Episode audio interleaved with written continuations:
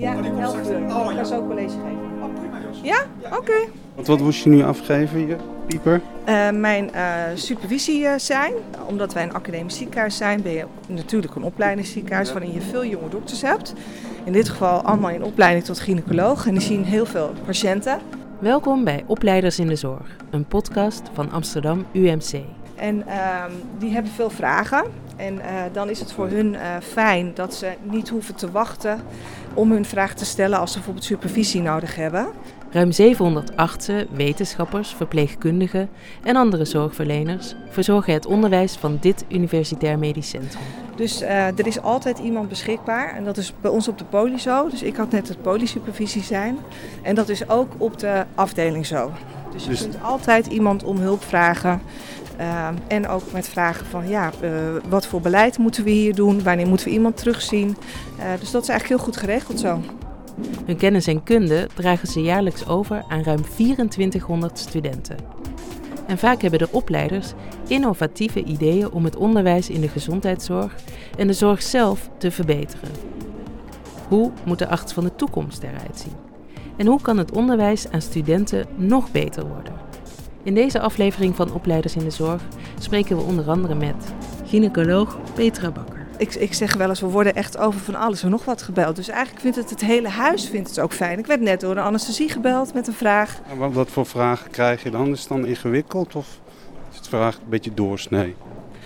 Nou, meestal is het wel een beetje doorsnee. En dat is ook prettig. Hè? Dat, eh, eh, dat de assistenten toch nog worstelen met dingen waarvan je denkt, oh, daar kan ik ze nog heel goed bij helpen. Anderzijds, soms komen ze met vragen die best wel ingewikkeld zijn. En dan denk je van, nou, ik weet het ook niet. We gaan het samen uitzoeken. Eh, ja, oké. Hebben we alles? Waar, gaan we nu naartoe? We gaan nu naar de afdeling. En op de afdeling staat een CTG-apparaat. Een CTG-apparaat, Ja. wat is dat? Dat is een apparaat waarmee je tijdens de zwangerschap en de bevalling eh, de hartslag kan meten van het kind. En ehm, de weeënregistratie kan meten voor als iemand aan het bevallen is. Ehm, ik zoek eigenlijk een CTG-apparaat. Heb jij eentje vrij? Mogen we de kamer op? Oké, Nou ja, dit dit is... is het apparaat. Want hoe ziet het er een beetje uit? Want dat is een soort... Ja. ja? Het is een, een schermpje waar je dus eigenlijk twee lijntjes op ziet. En dat kun je eigenlijk op de centrale monitor kun je dat beter zien. En daar loopt een papiertje uit. Althans, eerst hadden we het alleen maar op papier. En daar kun je dus ook de registratie zien. Maar tegenwoordig zien we het eigenlijk alleen nog maar op een scherm. En dat zie je dan op de laptop die eraan vastgekoppeld is. Want, wat zien we dan met zo'n apparaat? Wat, wat meet het dan precies? Het meet dus de hartslag en de weeënfrequentie. Door dat meten van die hartslag en die weeën... hou je eigenlijk dat, eh, de gezondheid van het kind in de, in de gaten. Ja, dat klopt. En eh, dat is ook wel gelijk de uitdaging aan het apparaat. Want eh, we kunnen aan de hand van de hartslag maar beperkte informatie krijgen. Ik zeg altijd, als ik zelf ziek ben en ik ga naar de huisarts... en de huisarts kan niks aan mij vragen en kan alleen maar mijn hartslag opmeten...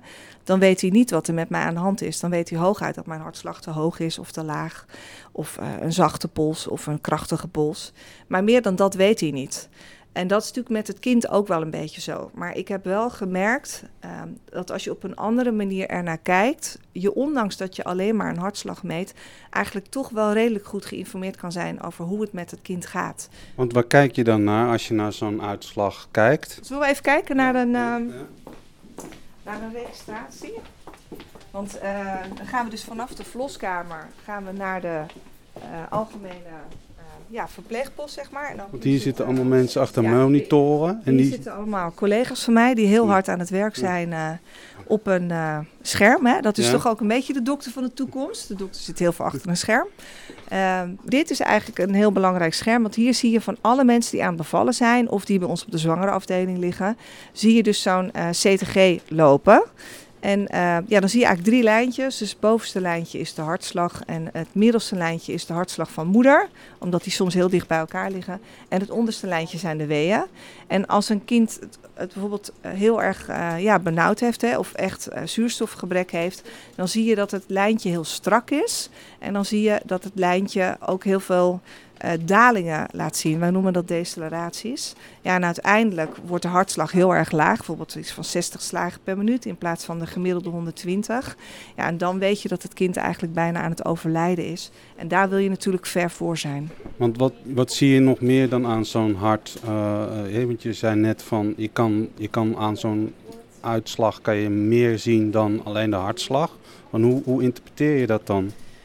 Nou, wat we heel erg gewend zijn is om te kijken naar patronen. We doen eigenlijk aan patroonherkenning. Dus we zeggen het CTG laat dit patroon zien. Terwijl je eigenlijk moet bedenken, uh, wat vertelt het kind ons dan? Dus er zit de pathofysiologie van het feutaal hartritme moet je beter begrijpen om te kunnen zien bij dit patroon past dus een kind die het benauwd heeft of niet benauwd heeft of uh, misschien koorts heeft. Of, dus er is, als je kritisch kijkt, is er meer uit te halen. Maar het blijft een uitdaging.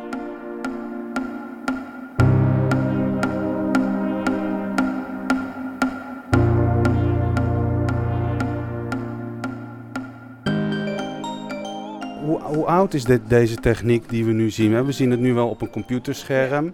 En we zien die drie lijntjes. Ja. Van hoe oud is die techniek dan? Ja, nou ja, 50 jaar. Dus er zijn wel kleine verbeteringen gedaan. Uh, want we zien het nu inmiddels op een scherm. En toen ik in opleiding was, kon dat niet. Dan moest je echt op de verloskamer zitten om uh, de registratie te zien. Uh, dus dat soort veranderingen zijn er wel geweest. Maar ja, dat is het ook eigenlijk wel. En ik denk dat we de technische mogelijkheden meer kunnen benutten wanneer we meer samenwerking hebben met technische bedrijven. Um, Want hoe kan het nou dat het dan 50 jaar uh, stil heeft gestaan? Want je zou zeggen, uh, de, de smartphone is, heeft, is ontwikkeld, ja. de hele grote technische vooruitgang is er geweest. Van hoe kan het nou dat dat 50 jaar eigenlijk onveranderd is? Ja, ja dat is ook eigenlijk echt heel erg. Uh, ja, daar heb ik eigenlijk ook niet echt het antwoord op. Ja, misschien is het antwoord wel dat de techniek. Dat, dat dit niet de manier is waarop we uh, zuurstofgebrek bij kinderen moeten opsporen. Misschien moeten we op zoek naar een hele andere techniek. Want je zou zeggen van als je, als je dit, dit beter wil krijgen, zou je dit ook misschien mensen erin, jouw studenten daar op moeten zetten, toch? Ja. ja, nou wat we nu wel gedaan hebben is, uh, we hebben ook een samenwerking gezocht met um, de uh, VU aan zich, waar het gaat om artificial intelligence. Want we hebben natuurlijk tienduizenden registraties vanaf de jaren 70 dat we dit doen.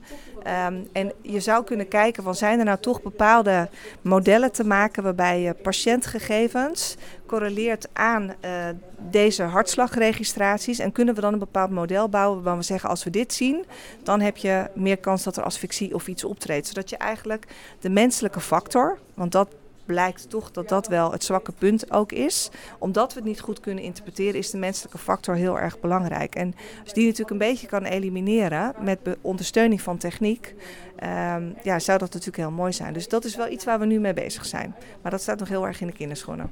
Dus het is eigenlijk een soort big data analyse ja. maak je. Ja, precies. Ja, en dan ga je zoeken naar patronen en dan ga je kijken van als er dan dit gebeurt en je hebt die registratie, ja.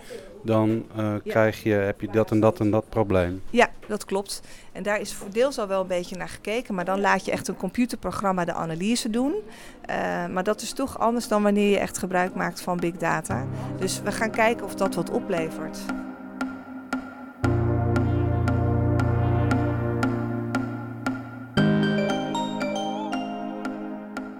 Hoe train jij je studenten zeg maar, op dit apparaat, van hoe dat ze dingen gaan interpreteren? Ja.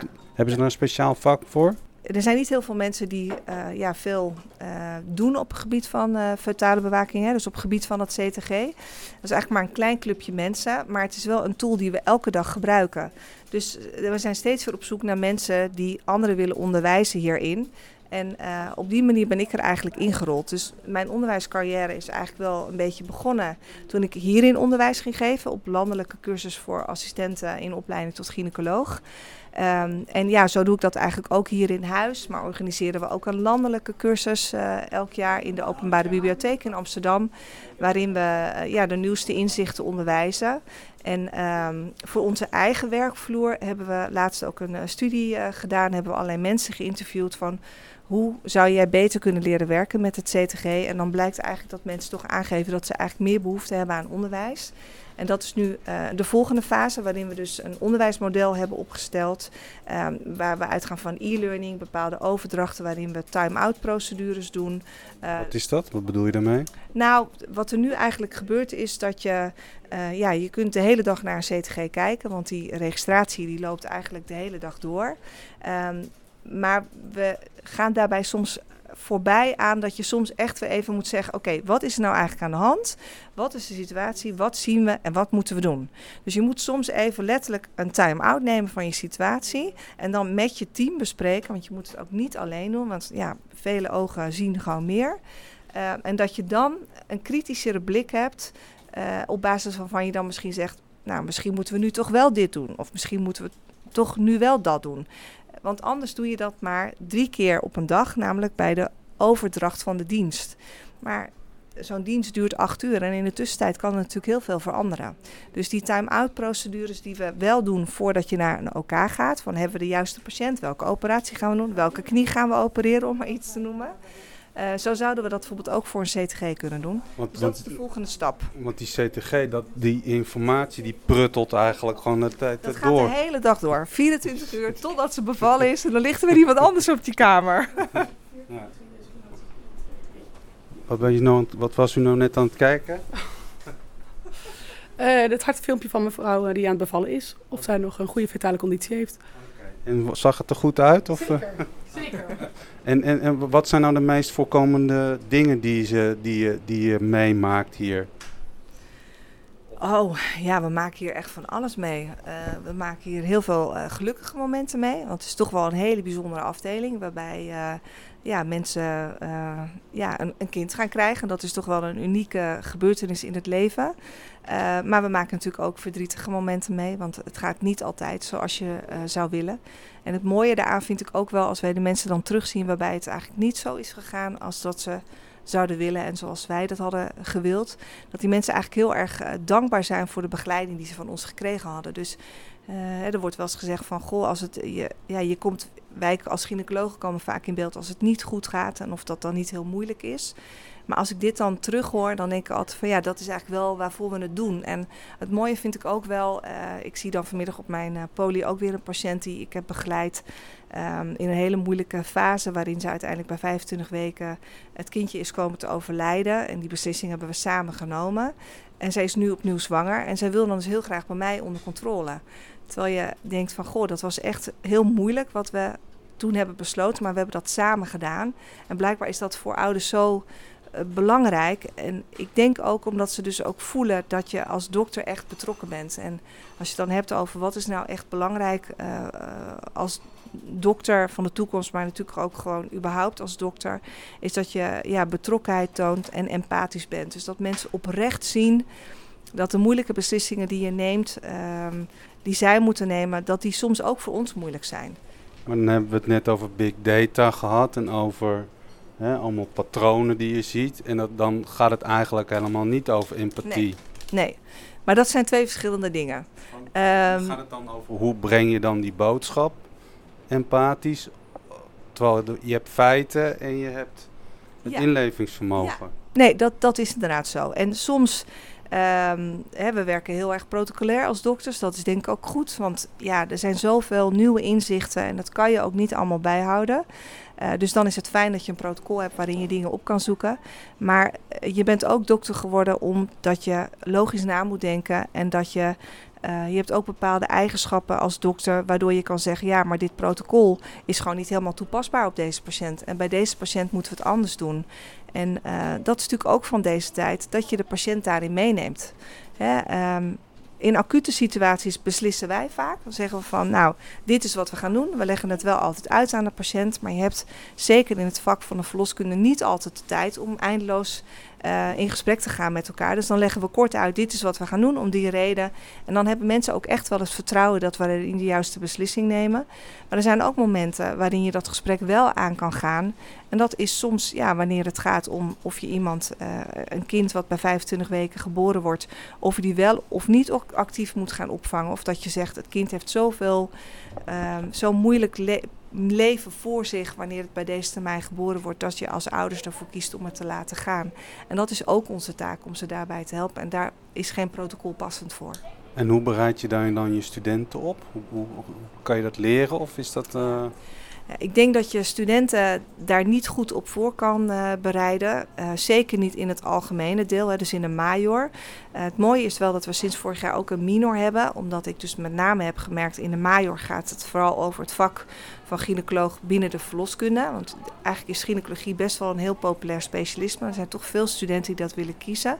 En ik wilde ze ook laten zien dat het vak van gynaecoloog veel meer is dan alleen maar de verloskunde.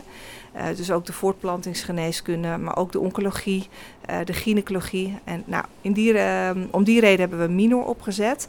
En daar zit natuurlijk ook verloskunde in. En dan geven we wel dat stukje verdieping.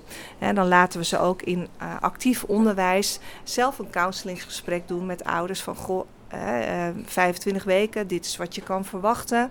Um, en dan laten we de, de toehoorders ook ja, die geobserveerd hebben ook feedback geven. Van goh, hè, hoe vonden je nou dat het ging? Welke informatie moet je wel geven? Wat moet je niet geven? En het mooie is ook wel, ondanks dat het een rollenspel is, dat degene die dat rollenspel dan speelt, ook wel echt dan denkt van, oh ja, het is ook wel heel informatie. En ik weet ook eigenlijk niet zo goed hoe ik dat dan moet brengen. Moet ik dat dan wel zeggen of niet zeggen? Dus dan geven ze dat wel mee. Um, maar dat is natuurlijk heel beperkt. En een heel groot deel van ons vak moet je ook gewoon leren als je in opleiding bent tot medisch specialist.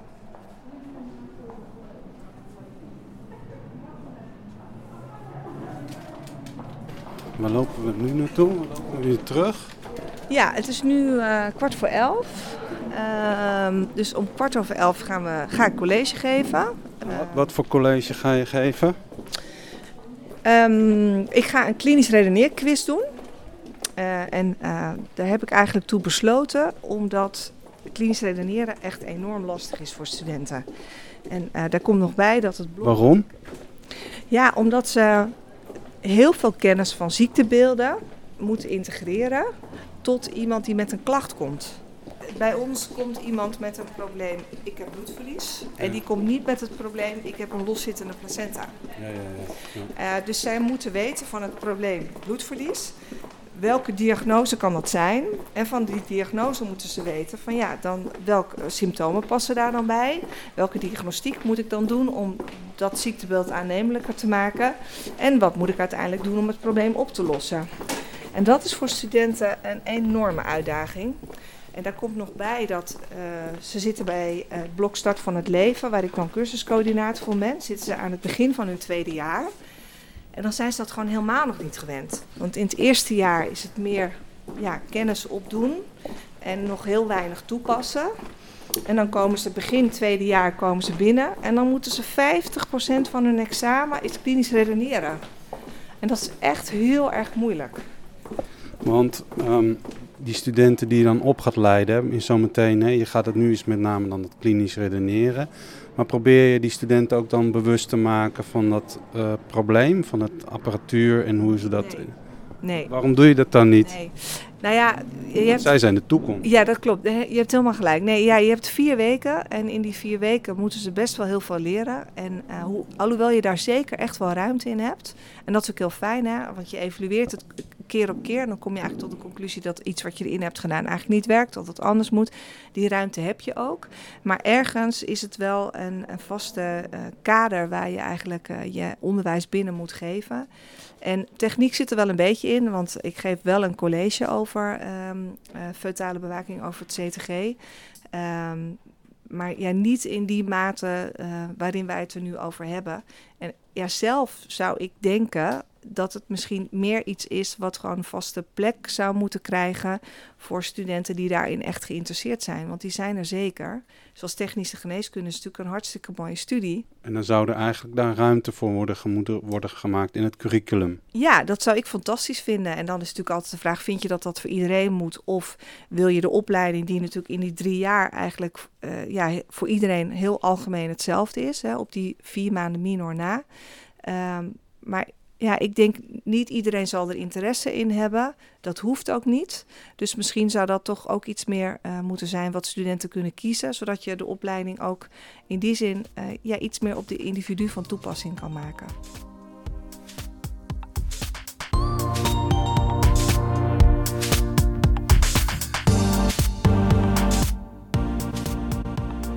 want je zit niet alleen op je kamer, hè? Nee. Met, wie zit jij nog op je kamer? Uh, met Pim Teunissen. Um, en is mijn uh, collega gynaecoloog, maar ook mijn uh, sparringspartner en maatje binnen het onderwijs. Omdat hij daar zelf ook heel veel expertise op heeft op dat gebied. Wat doe jij dan al zoal als onderwijskundige? Ik ben arts en net als uh, Petra gynaecoloog. Vooral hou ik me bezig met de hoge risico verloskunde hier uh, in het Amsterdam UMC. En daarnaast ben ik vooral bezig met onderzoek op het gebied van uh, onderwijs in de zorg. En dat gaat er primair om om te begrijpen hoe mensen die in de zorg werken, dus artsen, maar ook verpleegkundigen, verloskundigen, fysiotherapeuten, leren om hun werk goed te kunnen doen. En dat leren ze vaak primair op de werkvloer, maar er zijn allerlei ja, onderwijsmiddelen om dat dan te helpen ondersteunen. En het is natuurlijk extra belangrijk dat je onderwijs goed georganiseerd is als mensen aan het begin van hun carrière staan. Want dan zijn uh, alle leerdoelen en onderwijseisen uh, heel sturend voor hoe mensen kijken naar uh, bijvoorbeeld de praktijk als ze daarin meelopen. Hoe laat je nou die arts van de toekomst op? In de basis is het zo dat mensen moeten weten waar ze het over hebben. Dus kennis en op een gegeven moment ook kunde, afhankelijk van het vak waar je dan voor kiest uh, zijn essentieel. Maar vervolgens is het van belang om je als persoon te ontwikkelen in hoe je anderen wilt gaan helpen. Want je bent tenslotte zorgverlener. En dat je realiseert dat je dat in je eentje nooit goed voor elkaar krijgt. En dat we met, het, uh, met de zorg in Nederland een collectief zijn. Of dat nou is uh, in een eenmanspraktijk als huisarts of in een groot academisch ziekenhuis. Dus je zult moeten leren bij te dragen aan het goed functioneren van dat collectief voor je patiënt. En dan vanuit ieders uh, eigen expertise. En die is anders voor een specialist dan voor een verpleegkundige of voor een fysiotherapeut of een diëtist. Maar voor veel mensen is het nodig dat al die perspectieven bij elkaar komen samen met wat de patiënt belangrijk vindt. Want hoe zorg je ervoor dat, die, dat je in die opleidingen dat element van dat teamplayer player zijn, ja. dat naar voren haalt? Want artsen zijn over het algemeen nogal Hè, om eh, maar even een, misschien een platitude of een algemenisering uit de kast te halen. Hè. Dat zijn vaak nog een soort solisten ook op de een of andere manier. Die, of is dat een ouderwets beeld? Nou, blijkbaar niet, want het leeft bij jou ook.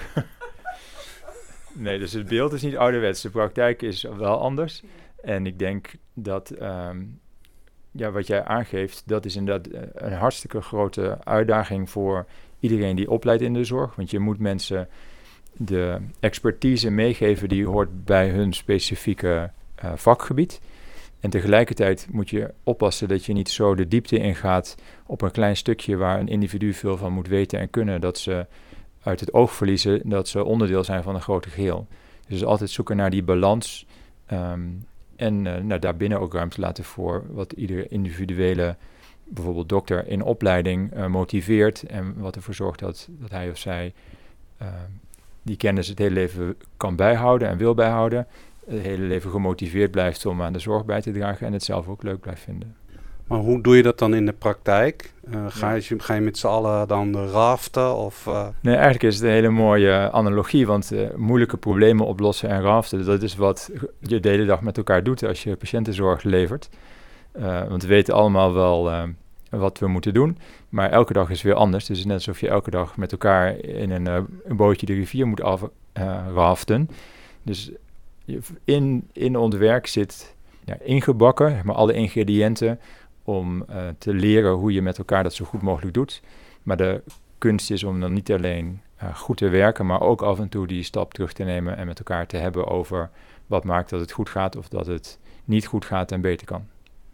En dat reflectie en dat zelfreflectie, kan je dat, hoe, hoe leer je dat mensen aan in in een studie? Heb je daar bepaalde cursus voor of bepaalde technieken voor? Ja, die zijn er wel en die zijn tot op zekere hoogte ook belangrijk om mensen mee uh, kennis te laten maken. Maar ook daar gaat het denk ik weer om het zoeken naar een evenwicht. Want als je daar te veel een, een uh, verplichting van maakt of het te veel op een kunstje uh, laat lijken, dan bereik je niet wat je in de praktijk wilt bereiken. Dat mensen dat doen omdat ze vanuit zichzelf ehm, met hun team gedreven zijn om te kijken waar ze verder kunnen ontwikkelen en zich kunnen verbeteren. Ehm, dus ja, eh, een basis ook daar is van belang. Um, maar die basis moet dan vervolgens worden gebruikt in de praktijk. En dat heeft ook veel te maken met de omgeving waarin mensen werken, de cultuur, de verwachtingen. En dat, ja, dat, dat creëer je met elkaar. En daar dragen opleidingen wel aan bij. Tot slot, van hoe, hoe ziet dan die arts van 2030, 2035 eruit volgens jou? Dan kom ik terug op wat ik net zei, die een goede basis in de concepten en begrippen van hoe een lichaam werkt. Ehm, daar start het mee, maar vervolgens aandacht voor hoe je je kan blijven ontwikkelen, hoe je kan blijven leren. Want dat er veel verandering is en waarschijnlijk nog meer, meer verandering komt. En dat is helder. En daar kan je iemand heel moeilijk op voorbereiden, maar je kan iemand wel leren om uh, te blijven leren. Leren, blijven leren. Dat is het adagium. Dat is belangrijk. En, en hoe gaan jullie dat, doen jullie dat samen ook? Hebben jullie het samen wel eens over problemen die jullie tegenkomen als jij onderwijs geeft? Wat, wat, eh, hebben jullie dan een soort mini-teampje? Of? Nou uh, ja, ja, natuurlijk sparren we wel over dingen waar ik tegenaan loop. Dan vraag ik wel de mening van Pim. Uh, en we hebben ook wel um, dingen die we samen doen. We hebben iemand samen aangenomen die voor ons kijkt over hoe mensen dus leren werken met het CTG. Dus op meerdere vlakken werken we samen en dat is heel prettig. En, en wat voor problemen delen jullie dan? Um, ik zou niet willen zeggen dat het nou hele grote problemen zijn. Maar soms heb je gewoon kleine dingen uh, waar je tegenaan loopt. Um, uh, bijvoorbeeld inderdaad over hoe kan je onderwijs meer activerend maken. Nou ja, dat soort dingen bespreken we met elkaar. Activerende didactiek. Ja, dat is wel het uh, gouden woord tegenwoordig. En dat is best een uitdaging. nou, ik zou niet zonder Petra kunnen. Hoezo niet? Ja, dat, uh, ja, je maakt van alles mee in je dagelijks werk. En om dan terug te kunnen komen op een plek waar je een maatje hebt en waarvan je kan zeggen, goh, uh, ook daarna rondom patiëntenzorg moet je eens horen wat mis gebeurt. Wat vind jij er nou van? Hoe zou jij dat doen? En dus ja, daar begint het uh, mee dat je gewoon praat over wat je meemaakt. En ja, in zo'n gesprek komen dan vaak hele waardevolle inzichten naar boven die je in je eentje niet kan bedenken.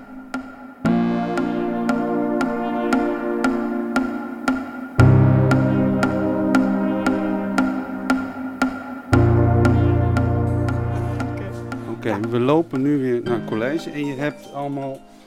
Uh, ik zie dat je een bakje bij je hebt met allemaal... Ja. Nou kijk, bij een quiz hoort natuurlijk een beloning als je het goede antwoord hebt. Wat zit erin? Er zitten krokante kruimelaars in. Okay. Van mijn uh, favoriete um, ja, uh, tv-kok. Um, Wie is dat? Nigella Lawson. Oh. Ik vind haar echt geweldig. En uh, ze heeft een uh, fantastisch boek uh, geschreven, How to Become a Domestic Goddess. De goddelijke huisvrouw. Want dat ben ik ook nog. nee, maar zonder dolle.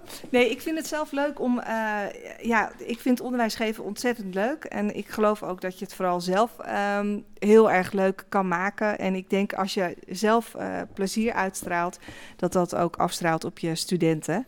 En uh, we gaan dus nu zo een quiz doen... waarin we dus het klinisch redeneren gaan oefenen. Dat doen we met behulp van een Kahoot de klinische redeneerquiz is eigenlijk dat ze uh, de vraag lezen, het antwoord, tijd hebben om het antwoord te geven.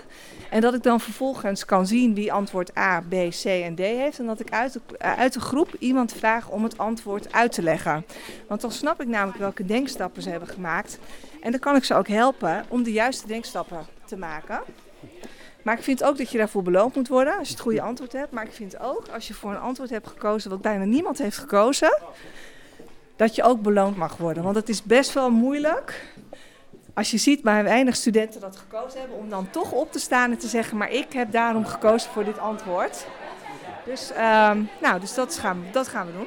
Goedemorgen allemaal. Ik wilde eigenlijk weer gaan beginnen. Dit is altijd de uitdaging om ze dus weer even stil te krijgen. Ik was op een cursus gehad, iemand die deed altijd een fluitje. Zover ben ik nog niet gegaan, want meestal lukt het wel. Maar ja, dank jullie wel. Hartstikke goed. Um, ga allemaal lekker zitten. Um, en daar, het gaat niet alleen om het juiste antwoord. Um, want ik snap best wel dat het moeilijk is uh, om je antwoord uit te leggen voor zo'n grote groep. Dus um, ik, ik vind het belangrijk dat jullie realiseren, het gaat om het proces. Dat klinkt altijd een beetje clichématig, maar dat is wel zo. Want de reden waarom ik deze quiz erin heb gedaan, is omdat ik soms dan dacht van, nou, dit is een vraag en er is maar één juist antwoord. En dan was ik soms toch verbaasd dat dat blijkbaar toch een hele moeilijke vraag was. En ik kan als, als medisch specialist, dat is natuurlijk best wel heel erg lang geleden voor mij dat ik zelf hier in deze banken zat. Ik weet gewoon niet meer hoe ik dacht als tweedejaars geneeskundestudent. Dus ik dacht, ik heb het ook nodig van jullie om terug te horen hoe jullie dan denken. Hoe ben je nou op antwoord A, B, C of D gekomen? Dus dat is ook hoe we de quiz hebben ingestoken. Een 27-jarige patiënte, 36 weken zwanger, heeft thuis acute buikpijn. Dus dat is iets, een item, hè, de acute buikpijn. Ze had daarbij een beetje helderrood bloedverlies. En bij binnenkomst op de verloskamer blijkt de pijn continu aanwezig.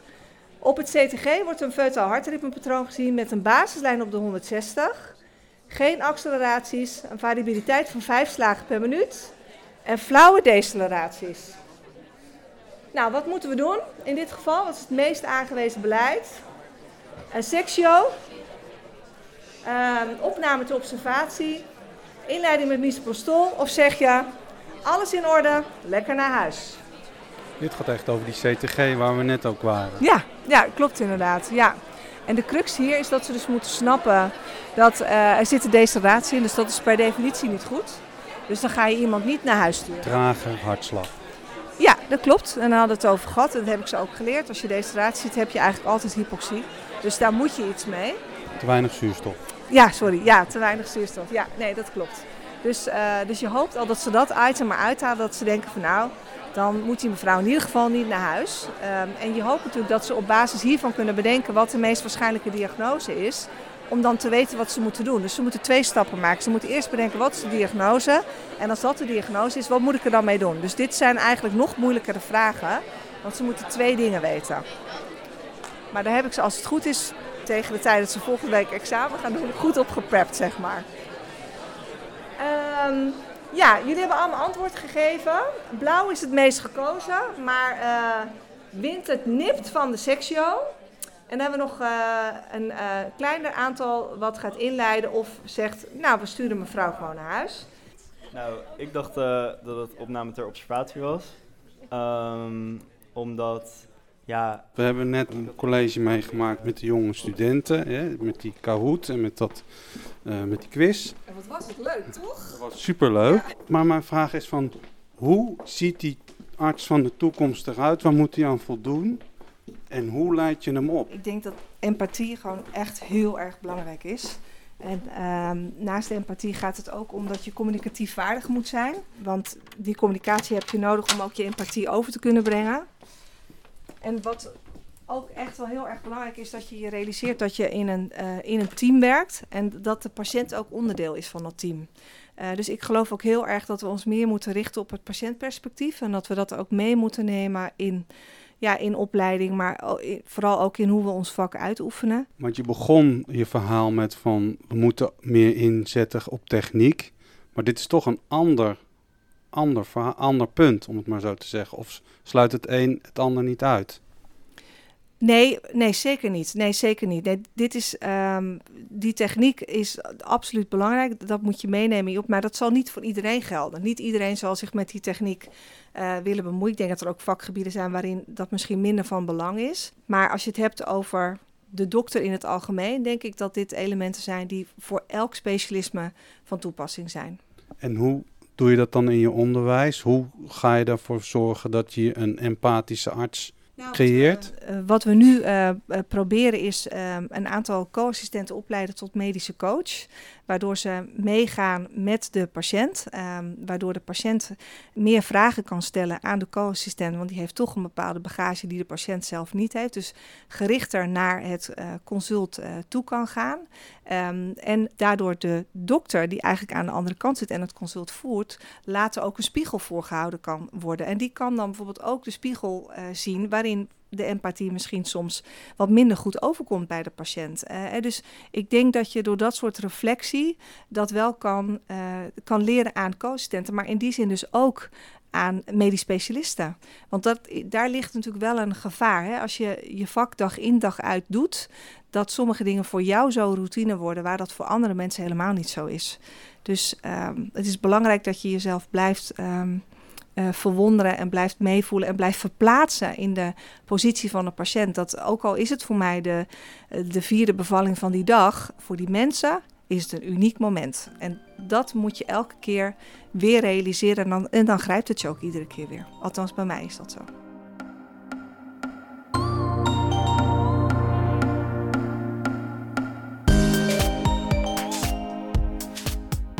Dit was Opleiders in de Zorg. Deze podcast werd gemaakt door Bert Terhoeven. Bedankt voor het luisteren. En vergeet vooral ook niet ons een rating te geven op je favoriete podcastplatform. Graag tot de volgende aflevering.